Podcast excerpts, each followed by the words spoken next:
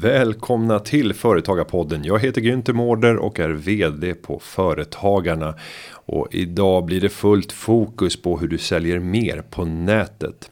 I princip oavsett vad du säljer så gäller det att vara tydlig med sin närvaro på nätet. Nets e-handelsexpert gästar idag podden och ger exempel på de vanliga misstagen som gör att man tappar försäljning på nätet och framförallt vad kan du göra åt dem för att lyckas. Jag säger välkommen till företagarpodden. Och veckans gäst är alltså Patrik Müller som är e-handelsexpert på Nets med mer än 15 års erfarenhet av att hjälpa e-handlare med effektiva betallösningar på den nordiska och europeiska marknaden. Patrik är en flitig kunskapsdelare och anlitar talare inom e-handel och den 8 maj ja, då har du som företagarmedlem eller nyfiken med potentiell medlem till företagarna möjlighet att möta Patrik i Stockholm då vi arrangerar företagarna Business Forum på Clarion Sign. Då kommer Patrik eh, köra en föreläsning i ämnet under en av våra breakout sessions. Men nu säger jag varmt välkommen Patrik Müller. Tack så mycket, jättekul att vara här. Det här är ett område som är högrelevant för många, inte minst de som håller på med handel redan idag och ser hur eh, man tappar försäljning till nätaktörerna. Om du ska börja med en exposé över vad som händer på marknaden, vad är det du ser då? Ja, vi är ju ett läge nu när vi kan se att eh, många i den eh, fysiska världen som bara säljer i, i den fysiska butiken börjar tappa lite grann. Vi ser statistik från eh, HUI Research som visar att all tillväxt eh, ligger på nätet. Och det här kombinerat då med att många inte har hunnit med att anpassa sina butiksnät gör ju det att vi ser en del rubriker kring hur eh, Eh, varumärken eh, eh, går i konkurs till exempel. Så inom många branscher så är det här en, eh, en eh, brytningstid. Och då ska man komma ihåg, det här har varit också en brytningstid för vissa branscher. Ta elektronikbranschen som för några år sedan passerade att eh, passerade milstolpen att ungefär 15 procent av handeln skedde på nätet. Det innebar att eh, butiksnätet inte klarade av att upprätthålla lönsamheten. Och eh, antingen var man tvungen att lägga ner butik eller så var man tvungen att lägga ner hela varumärket. Och det här händer nu, just nu, inom konfektion till exempel. Och vi har andra som är på väg in i det här. Om vi tar tillväxttal så pratar man ju i offentliga tal ofta om handelns tillväxt. Man säger handeln slår nya rekord. Men om vi bryter upp det och tittar på den traditionella fysiska handeln och den digitala handeln. Vad är det för tillväxttal vi har att förhålla oss till? Ja, eh, vi pratar om runt en 15 procent kanske tillväxt årligen för e-handeln. Och eh, vi pratar om eh, liksom ett, några procent eh, på, på, på den fysiska handeln. Och eh, det här är ju man ska ju komma ihåg också naturligtvis att e-handeln totalt sett det är ju liksom kanske 10, 10% av den totala handeln. Inom vissa segment så är det ju avsevärt större. Tar, tar vi bokhandeln så är det ju liksom långt över 50 Eh, så att man ska vara medveten om att det här är fortfarande på ganska låg nivå. Ändå har det ganska stor inverkan på ja, hur, hur handeln ser ut och hur den utvecklas. Om vi ska blicka framåt så gör jag en analys i alla fall. När jag tittar tillbaka på de senaste åren så har mognaden kopplat till att köpa eh, produkter och varor av väldigt mycket högre värden flyttas ut på nätet.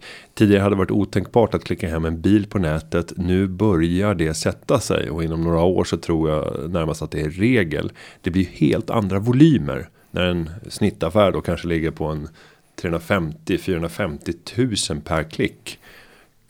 Gör inte det här att vi kommer få se en väldigt snabb förändring när det också gäller var värdena distribueras. Så är det. Det, ehm, det, här kommer, det här kommer fortsätta att utvecklas under ganska lång tid med en högre hastighet för nätet och en lägre hastighet för, för den fysiska handeln.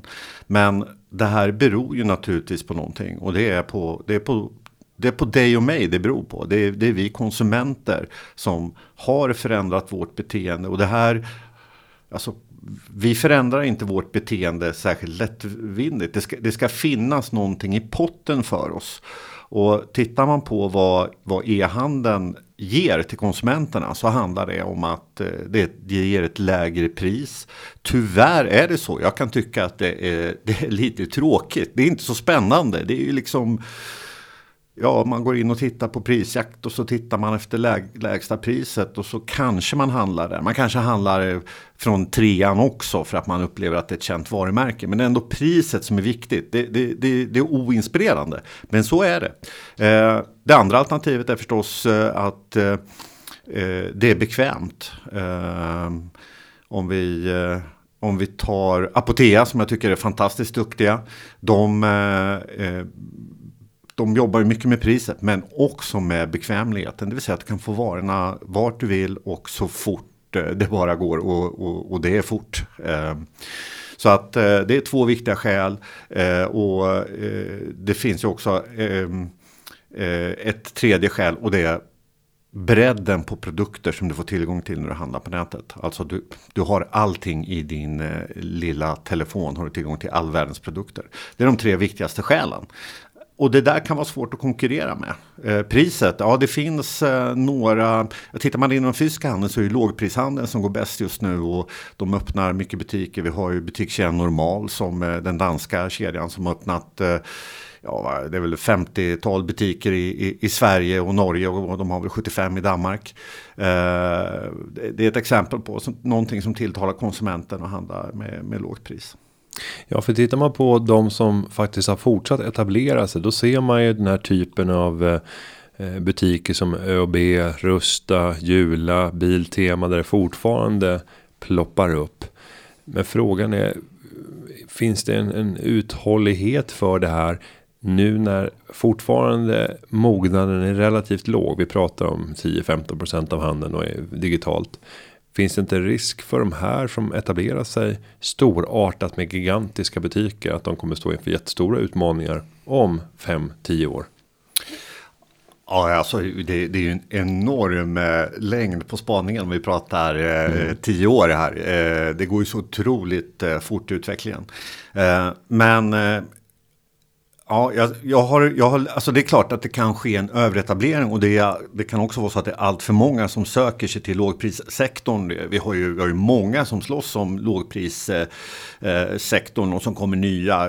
Vi har ju Dollarstore bara för att ta mm. ett exempel, då, som är väl eh, ganska duktiga också.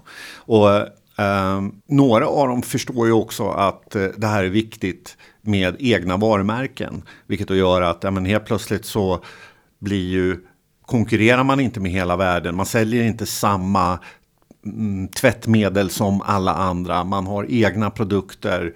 Eh, vilket då gör att det blir svårare att jämföra. Och så också gör att man får kanske ett lite högre eh, existensberättigande. Och om vi tittar på den bas som du sitter i, eller är ifrån, Nets. Då har vi hela betalningsflödena. Va, va, om vi ska sammanfatta Nets erbjudande i den här marknaden. Hur eh, långt sträcker det sig? Ja, men Alltså vi, vi på Nets vi jobbar ju med handlare oavsett vilken kanal man, eh, man säljer i. Eh, vi är väldigt duktiga på, på e-handel, vi är duktiga på butikshandel med terminaler. Vi jobbar också med eh, områdena emellan. Omnikanal brukar vi ju kalla det, där vi, där vi möjliggör att man till exempel blir igenkänd med hjälp av sitt kortnummer när du handlar på nätet och när du handlar i butik och därmed kan man göra upp ett eh, ordna så att man har ett lojalitetsprogram som så att säga sköter sig själv. Eh, men vi jobbar med, med andra saker också eh, som och, och försöker göra enklare för butikerna. Den, för den fysiska butiken så har vi till exempel en app som visar varifrån kommer dina, eh, dina besökare i, i butiken, de som handlar. Eh, vi kollar var deras kort är utställt och helt plötsligt kanske du förstår att, nej men vänta här nu det kanske vore en bra idé att ha en finsk skylt här och göra lite reklam. För jag har liksom 30% finska besökare.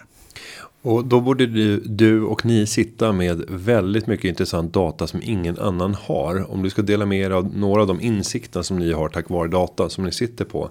Vad är det du kan förmedla då? Ja, e, exempelvis så gör ju vi eh, en eh, rapport varje år eh, kring e-handel. Den heter Svensk e-handel 2019, den senaste versionen. Vi gör den i Sverige, Norge, Danmark, Finland och jag tror att vi kanske kommer göra det för fler länder här eh, också framöver. Och där ser vi ju utvecklingen för handeln. Vi ser också eh, vad det är som gör att en konsument inte eh, fullföljer köp. Eh, exempelvis kan man se att, eh, att att erbjuda rätt betalsätt är väldigt viktigt. En konsument eh, kan hoppa av ett köp på grund av att man inte erbjuder kundens eh, eh, kundens betalsätt, det som man själv vill eh, använda. Exempelvis i en butik som inte har så starkt varumärke.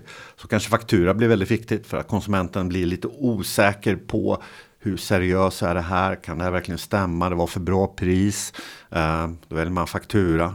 Å andra sidan om man står på bussen och liksom det är fullt med folk, du står och håller i, du har bara en hand, då vill du betala, du, du, du kan inte ens ta upp din plånbok utan, eh, och, för du har din telefon i handen, ja, men då vill du betala med Swish för att det är snabbt och enkelt. Så det finns många olika skäl. Så att den rapporten kan jag verkligen rekommendera till den som vill läsa mer om hur konsumenterna beter sig på nätet. Den finns att ladda ner på eh, nets.se. Och, och, om man tittar på just betalning. Vad är de stora trenderna när det kommer till både fysisk handel och eh, e-handel? Hur vill vi betala? Om vi ska försöka generalisera. Vilka är trenderna? Eh, i, eh, i, i, på, det är ändå intressant att säga att det sker ganska små förändringar. Tittar vi på eh, näthandeln där vi har gjort en rapport sedan 2007 eh, så kan vi se att eh, under hela den tiden så är det egentligen bara en stor förändring eh, som har skett. Eh, och det är att Swish har tagit sig in. Eh, vi pratar om att det är ungefär 10% som föredrar att betala med Swish. Och det här ökar relativt långsamt. Det, det var en ökning med 2% tror jag sedan förra året. Eh, så att våra beteenden är ganska stabila. Ehm, sen eh, pratas det väldigt mycket om nya betalsätt. Vi kan, prata, vi kan ta Apple Pay som ett exempel. Och Apple Pay, det är, jag gillar Apple Pay. Den är, det, är, det är verkligen en, en, eh, en bra lösning. Den har fått lite traction i eh, den fysiska butiken. Ehm, det är några procent som ändå betalar med, med Apple Pay. På nätet däremot så är det betydligt, betydligt lägre. Det beror på att det är ganska få butiker som, eh, som eh, har öppnat upp för att ta emot Apple Pay. Eh, och det finns också ett antal begränsningar i Apple Pay på det viset att jag menar du måste ju ha en Apple-telefon till att börja med. Du måste ha lagt in ditt kortnummer. Du måste ha ett kort som är utgivet av en bank som har support för Apple Pay och så vidare. Jag kan mycket väl tänka mig att eh, med tiden så får Apple Pay ett lite större, större berättigande. Men det, det är bara ett bevis på att eh, vi förändrar våra beteenden ganska långsamt om det inte finns en väldigt, väldigt stor uppsida. Om vi tittar på andra aktörer som är inne på området så har vi ju Facebook, vi har eh, Google, eh, Samsung försöker. Vad tror du om eh, framtida betallösningar? Vilka är det som har förutsättningar att kunna vinna mark på det här tuffa slagfältet? Ja, eh, det här är en väldigt vanlig fråga jag får kring ja, men vad är det för nytt som, som, som jag som, som webbutik ska lägga till? Vad, vad är det jag ska titta på? För det har ju sedan eh, ungefär 2011 skulle jag vilja säga har det varit ett ständigt flöde av nya eh, betalningsmetoder med fokus på mobilen då. Och eh, hittills den enda som har lyckats som vi pratar Sverige Eh, med ett genomslag, det är ju Swish. Eh, de övriga initiativen eh, som vi har sett hittills, och vi, vi kan ju också prata om Amazon Pay, vi har pratat väldigt mycket om att Amazon är på väg in i Norden och så här. Än så länge finns det inga tecken på att man behöver titta så mycket mer på betalningsmetoder som kort, faktura, eh, Swish och möjligtvis komplettera med, med Paypal möjligen eh, när det gäller näthandeln. Där sitter jag också på för eget vidkommande när vi från företagarna säljer ett medlemskap. Där vill man ju som företagare ha den här fakturan för att kunna boka det. Eh, och det där skapar utmaningar när det kommer till de här, så här månadsvis betalning. Om man tänker sig alla abonnemangstjänst. Eh, du drar automatiskt från ett kort varje månad. Om du skulle coacha mig för att kunna åstadkomma en bra lösning för företagare att teckna sitt medlemskap och sen kunna ha bara rullande månadsvis. Vad, vad skulle du rekommendera då? Um, naturligtvis är det så att när vi, när vi pratar business to business så har ju den klassiska fakturan, den, den självutställda fakturan, eh, den har ju ett bra fäste. Men den förutsätter också kanske att man eh, har lite koll på vem det är som är, som är i andra ändan. Vi har många industriföretag till exempel. De behöver ju, de behöver ju verkligen undersöka vem är det nu vi ska ge kredit. kredit? Eh, för att här ska man ju leverera varor och få betalt senare. Eh, så de går ju ofta över till eh, en faktur, en, en e-handelslösning som har en faktura som är utställd av någon annan som är överlåten. Eh, har kortbetalning just för att slippa den här proceduren att behöva undersöka vem är det som är köparen i andra änden. Eh, men för er då så är det ju frågan om eh, enkelheten i en e-handelslösning för konsumenten eh, är ju oöverträffad. Du behöver, du behöver i princip inte slå in några uppgifter alls för de kan, de kan vara sparade. Eh, och det betyder då att man tar bort lite friktion.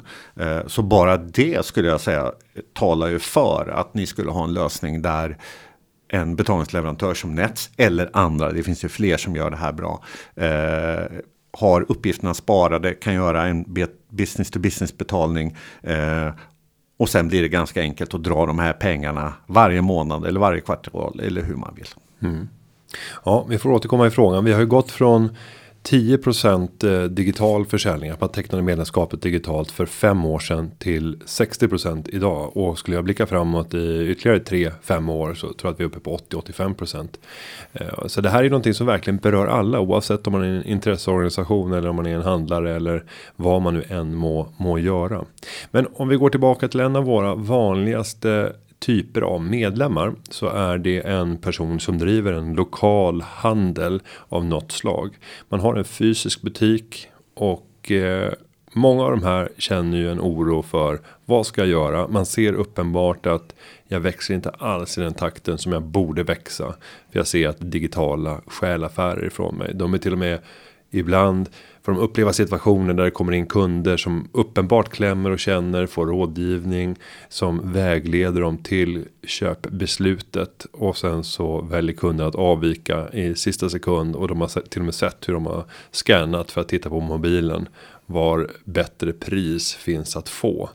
Hur ska en sån här typ av handlare agera i det läge vi befinner oss i idag? Ja, jag känner verkligen igen frågeställningen. Jag, jag är ute och pratar mycket i landet eh, och inte minst på flera event hos företagarna faktiskt. Och, eh, det, det, det, det, är verkligen standard att eh, det, man är bekymrad kring e-handelns påverkan och man har inte riktigt några bra verktyg att möta den konkurrensen. Och jag menar, man måste komma ihåg att man konkurrerar ju med hela världen. Det är vad man gör även om man sitter i jag är från Motala och sitter man, har man en liten butik i, i, i centrum i Motala. Ja, man, man konkurrerar med hela, hela världen. Och det är väldigt tufft. Men man har också en fördel och det är ju närheten. Eh, och jag tror att en sak som e-handeln är väldigt svag på.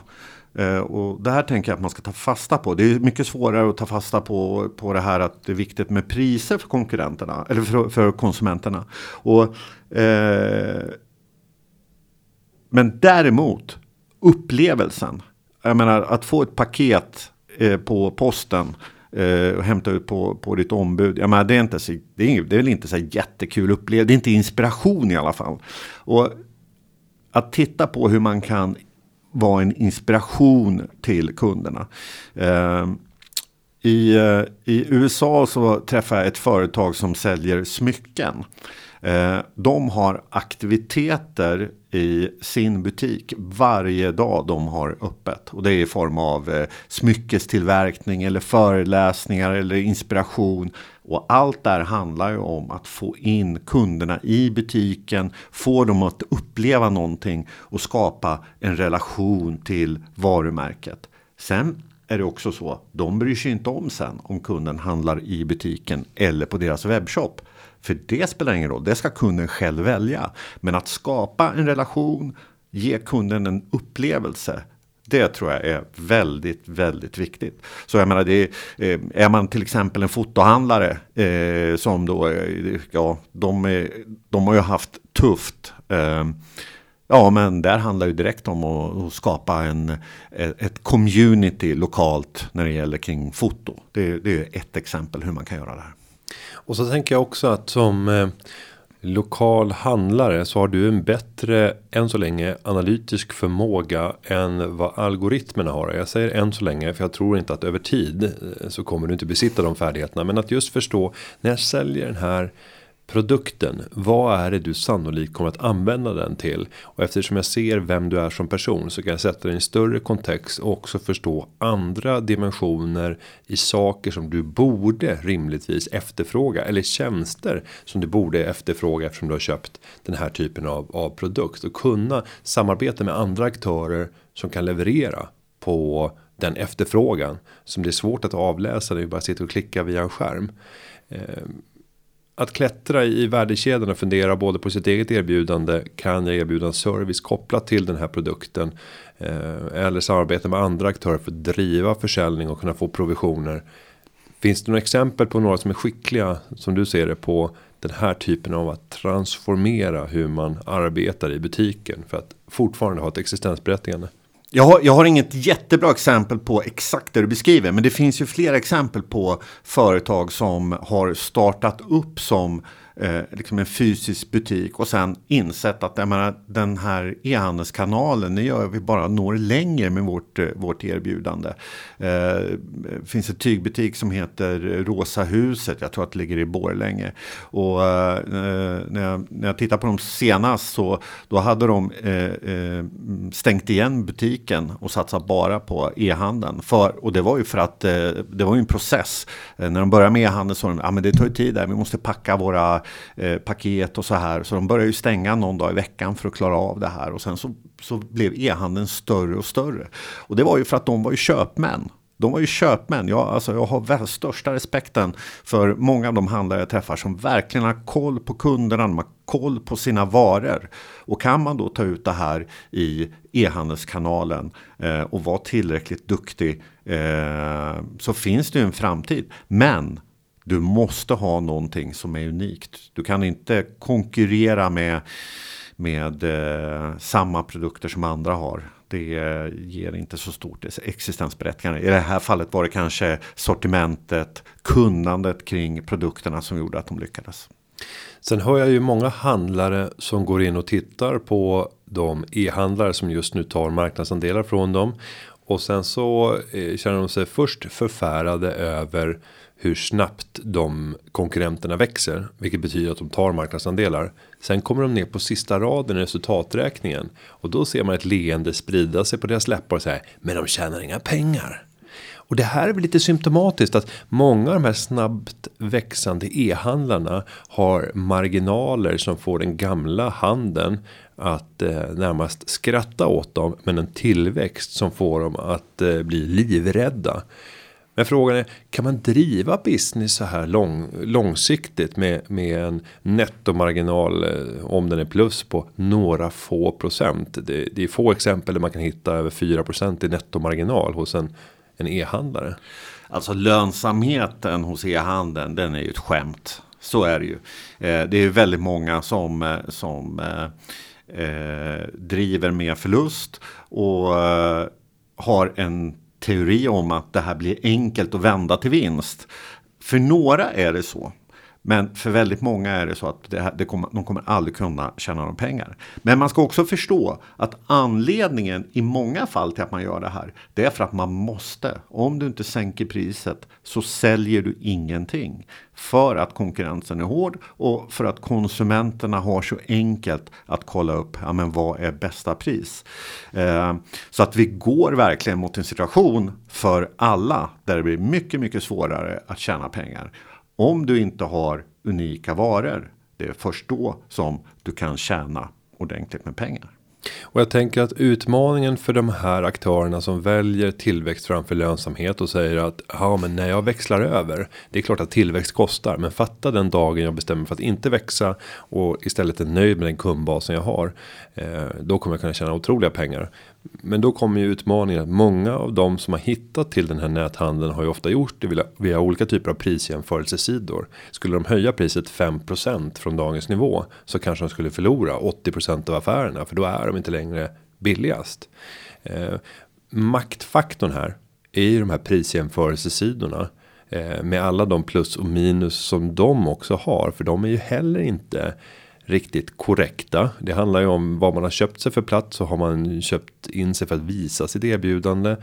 Och sen har vi Google som kommer in med Google Shopping som börjar bryta det här. Om vi ska titta på just den här faktorn prisjämförelse makten och sajterna positionerar Google. Vad är det vi ser hända och vad är sannolikt att det kommer att hända under det här och nästa år. Vi får titta ganska korta perspektiv för det går fort. Till att börja med så tycker jag i grund och botten att det är det, det, är en bra sak med, med prisjämförelser. Eh, det som är, eftersom jag menar, det, är en konsum, det ger konsumenten makten och så länge informationen är korrekt så är det bra. Men det är en ganska ensidig bild. Den visar inte liksom, vad är det för servicenivå här, hur eh, eh Eh, de försöker kanske ge liksom lite betyg och sådär men det, det är ofta inte en så jätte, jättebra indikation på, på den faktiska upplevelsen.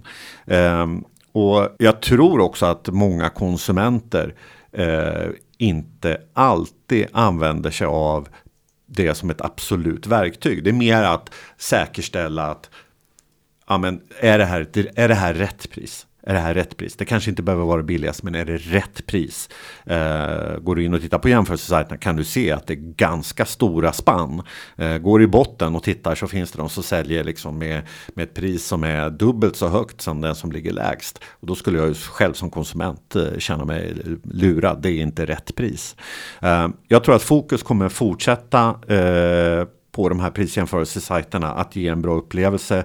Eh, jag såg bara idag här faktiskt att eh, det var väl prisjakt tror jag som eh, ehm, ehm, konsoliderar sina krafter lite grann, drog tillbaka ifrån eh, någon marknad, det kanske var Polen, och sätter fokus på Norden. Och det betyder ju då, de är ju en kraft att räkna med, vilket betyder att vi kommer eh, eh, få, få, ha fortsatt fokus på, på pris. Och sen tänker jag att eh, det kanske redan har hänt, det kanske är jag som inte ser det. Men precis som med flygbolagen, när de började skapa sina jämförelsesidor och sen så utkristalliseras det ett eh, fåtal duktiga aktörer på området för olika jämförelser av flygbolag. Men sen kommer det ytterligare ett lager som sammanfattar alla sidor som jämför flygbolagen. Eh, Finns det en sannolikhet att vi skulle kunna få en motor eh, om det kanske till och med existerar redan idag som både tar price runner och tar prisjakt och andra aktörer som finns där ute på fältet för att få en mycket mer heltäckande bild.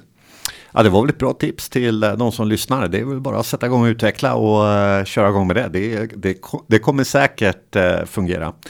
Men jag skulle också vilja säga det ändå att det är väldigt lätt att ha fokus på, på priset. Och jag skulle vilja säga att ha, priset måste vara riktigt, det måste vara rimligt. Men det är inte det som kommer vara möjligheten för en butik, eh, en enskild fysisk butik eh, när det gäller att konkurrera. Det är otroligt svårt och speciellt om du säljer andras varor. Då är det nästan omöjligt för dig att konkurrera med priset. Utan det måste vara andra saker man konkurrerar med. Eh, det är lojaliteten, servicen, Eh, man kanske kan skapa prenumerationslösningar av det man nu gör. Det gäller att vara uppfinningsrik här för att eh, knyta kunderna närmare sig och skaffa nya kunder utanför orten. Så att ehm, eh, priset är naturligtvis viktigt men mer som en hygienfaktor. Det gäller att ligga liksom normalt till. Mm. Eh, från företagarnas sida så delar vi ut priset till årets företagare i över 200 kommuner i Sverige. Sen en 21 länsfinaler och sen en riksfinal. i flera av de här eh, länsfinalerna så är det just e-handlare som har vunnit för att de har en, en tillväxt som är ja, unheard of eh, bland övriga företagare. Ett företag som imponerade väldigt mycket på mig det var Skin City.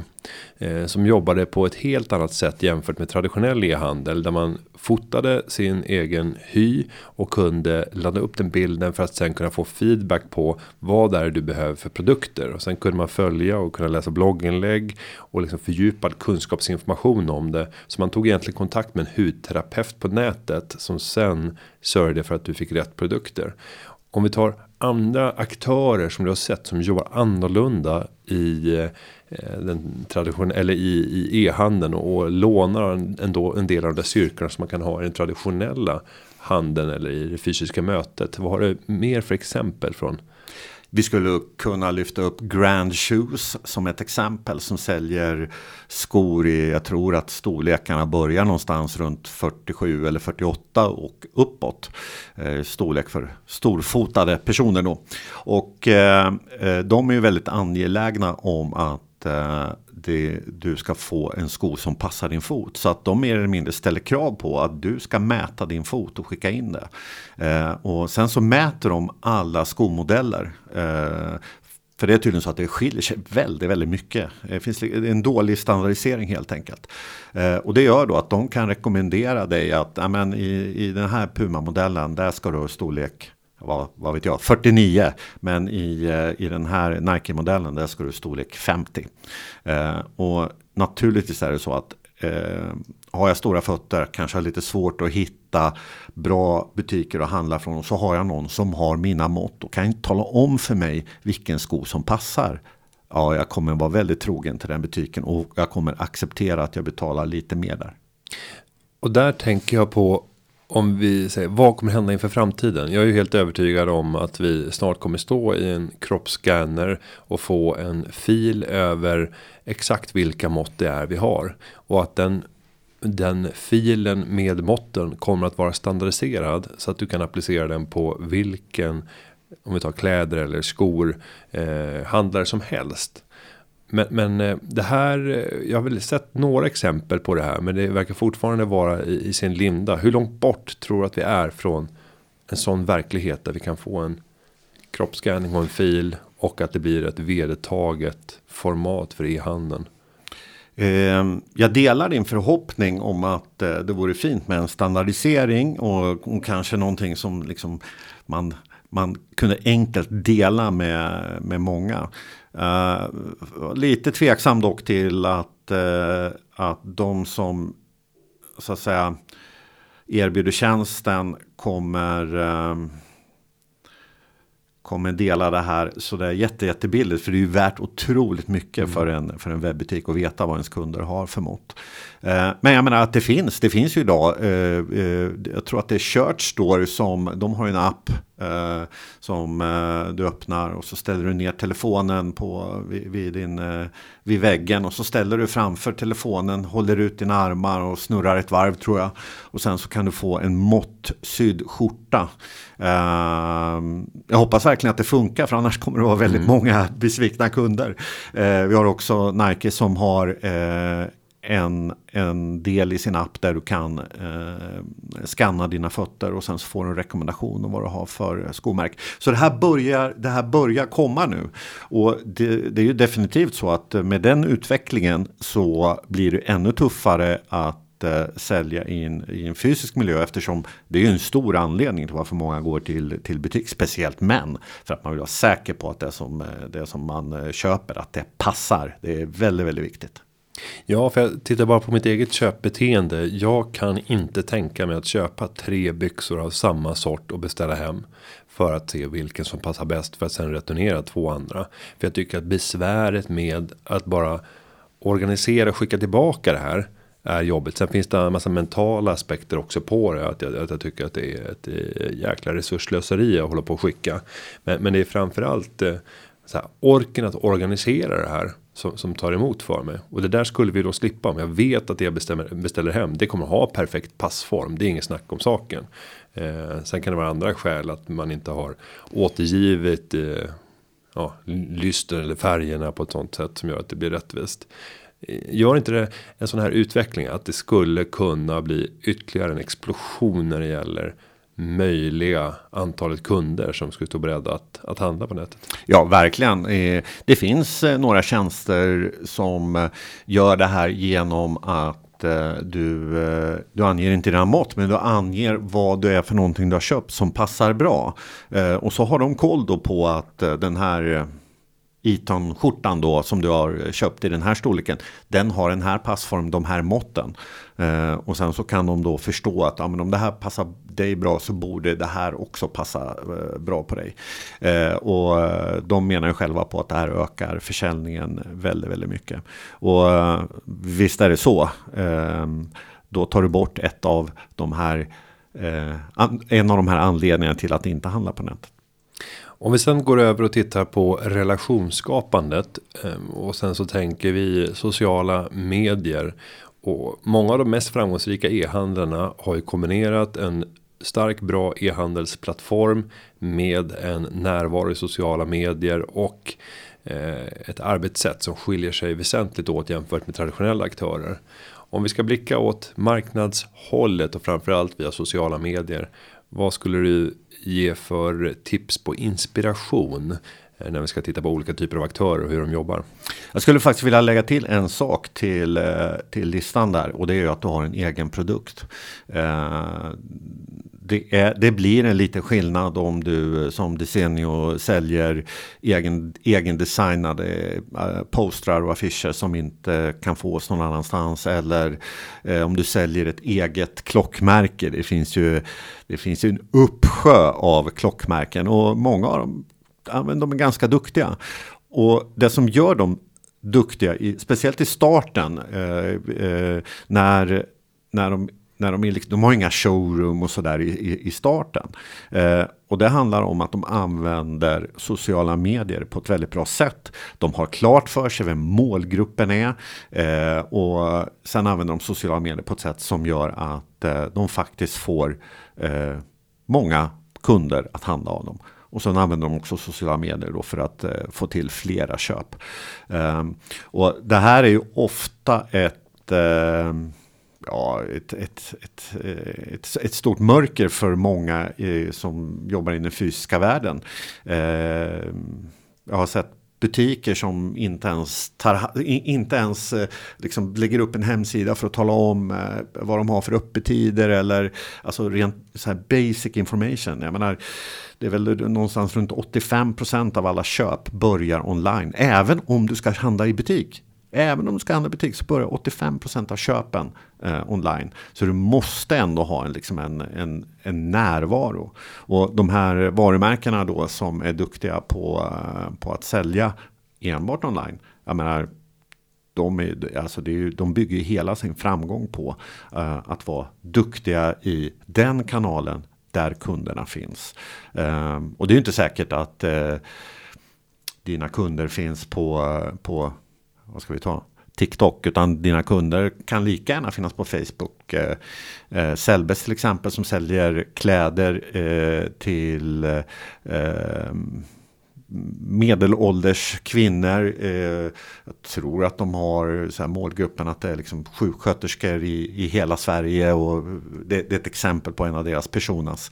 Eh, jag menar för dem så är Facebook en superbra kanal lika väl som eh, på Instagram medan andra kanaler inte är lika bra.